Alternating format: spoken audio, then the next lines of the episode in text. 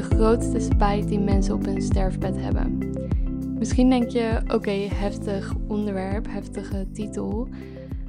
Maar luister verder, want dit is oprecht misschien wel de meest belangrijke podcast die je luistert deze week, maand, misschien wel dit jaar. Dit is een belangrijke boodschap die ik met je wil delen. Ik weet dat er niet vaak wordt gepraat over ja, dit soort heftige, pijnlijke onderwerpen misschien. Er is toch vaak veel angst of moeite bij het praten over de dood. Terwijl ik wel denk dat als je op dat punt komt, als je daarover na gaat denken, dan kom je wel echt bij de kern uit, bij waar het echt om gaat. Als mensen op hun sterfbed liggen, dat is waar deze podcast over gaat. Als mensen op het einde zijn van hun leven, dan beseffen ze heel vaak wat ze allemaal hadden willen doen.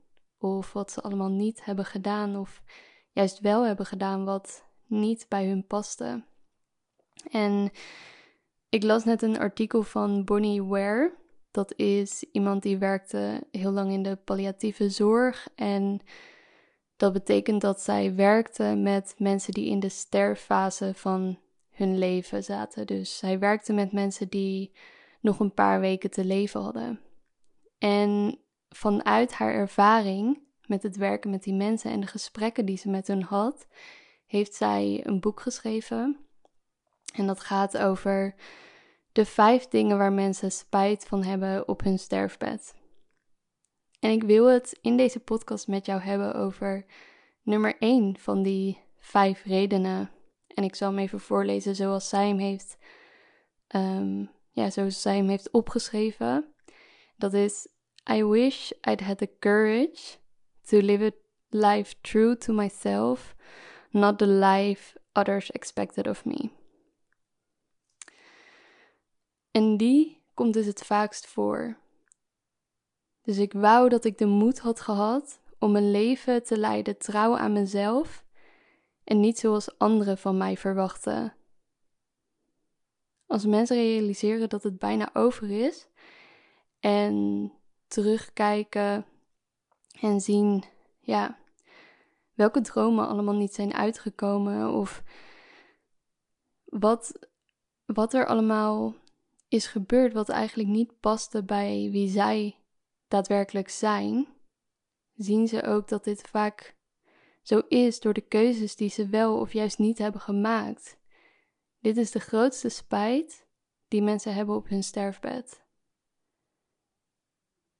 Ik vind dat best wel heftig en dat raakt me ook om dat te lezen. En aan de andere kant is het ook zo logisch, ook als je om je heen kijkt of als je met mensen in gesprek bent. Het is een soort van de grootste struggle waar, waar we over twijfelen vaak. Hè? Van gaan we mee met een ander of uh, pas je je aan?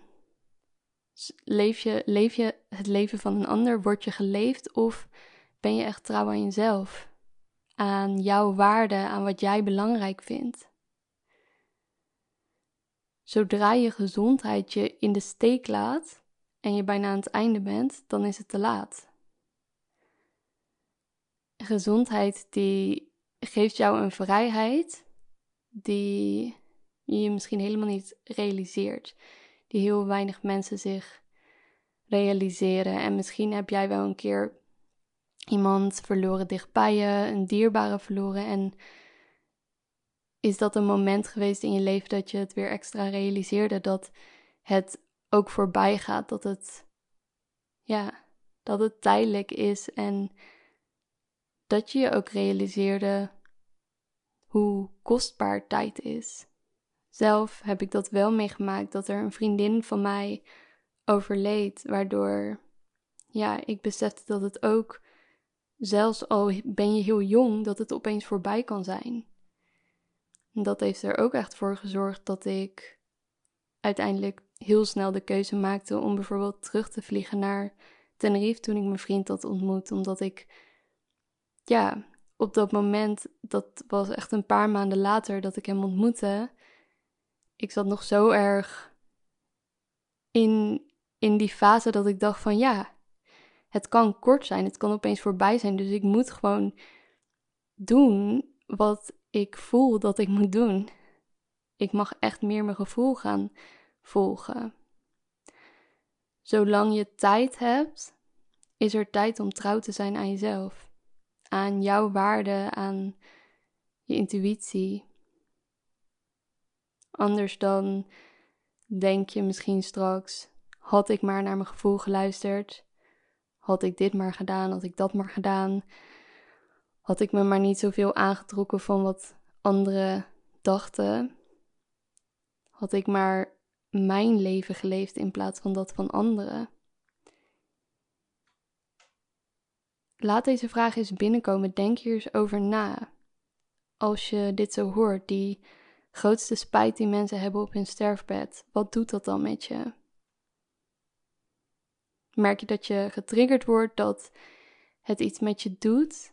Misschien heb je wel het idee van, oh, ik wil hiervan weg en het gaat allemaal wel prima en ik wil hier niet te diep op ingaan, want dan kom ik er misschien wel achter dat ik hele andere dingen wil dan dat ik nu eigenlijk doe met mijn leven. Ik weet namelijk dat ik klanten heb die dit in het begin dachten toen ze met mij gingen werken. Omdat in creativiteit het heel erg duidelijk wordt wat er echt van binnen speelt. Dus wie jij daadwerkelijk bent. En we gaan natuurlijk kijken naar waar je staat in je leven en wat er allemaal speelt. En in creativiteit wordt dan ook heel snel duidelijk welke keuzes bijvoorbeeld niet echt bij jou aansluiten en welke wel. Dat kan best wel spannend zijn als je, ja, als je daar niet zo bewust mee bezig bent. Dat begrijp ik ook heel goed en daar, daar help ik ze dan ook doorheen. Maar ik weet dat er mensen bij mij zijn ingestapt die in het begin echt letterlijk zeiden van ja, ik vind het best wel spannend wat er allemaal naar boven gaat komen, want ik weet dat er misschien dingen zijn in mijn leven die gewoon niet helemaal aansluiten bij wie ik van binnen ben. En ik, ja, ik weet niet of ik dat wil veranderen of dat ik de moed heb om dat aan te kijken. En het feit dat ze dan bij mij instappen, betekent natuurlijk wel dat ze de moed hebben om het aan te kijken. En weet je, ook al kijk je het aan, hoef je niet gelijk iets te veranderen. Maar je kunt jezelf afvragen of je bang moet zijn om uit te vinden dat je eigenlijk iets wil veranderen. Of dat je bang moet zijn om dat pas op je sterfbed te ontdekken. De grootste spijt die mensen hebben is dat ze niet trouw zijn geweest aan wie ze daadwerkelijk zijn maar dat ze een leven hebben geleid zoals ze dachten dat het moest, of ja, dat het leven dat anderen van hun verwachten, of dat hoorde voor hun idee. Dus wat kunnen wij daarvan leren? Van die wijsheid van die mensen die daar, ja, al op hun sterfbed lagen, terwijl jij misschien nog zoveel tijd voor je hebt. Wat ga je met die tijd doen? Dat is eigenlijk de vraag waar, ja, waarmee ik hem wil afronden. Ik denk dat die lang genoeg is zo. Dat dit een duidelijke boodschap is om trouw te zijn aan jezelf. Om te luisteren naar wie jij daadwerkelijk diep van binnen bent. Als dit wat met je doet, laat het me dan weten. Stuur me een berichtje. Blijf er ook niet alleen mee zitten. Ik weet dat dit misschien best wel een heftig onderwerp kan zijn. Ik ben niet bang om erover te praten. En ik denk zodra jij heel eerlijk naar binnen durft te kijken en ja, al je gevoelens en alles in je binnenwereld aan kan kijken en jezelf heel goed kent, dan hoef je ook niet bang te zijn om over dit soort onderwerpen na te denken. Ik denk juist dat het heel erg belangrijk is en dat het je heel veel kan brengen om hier echt eens bewust van te worden.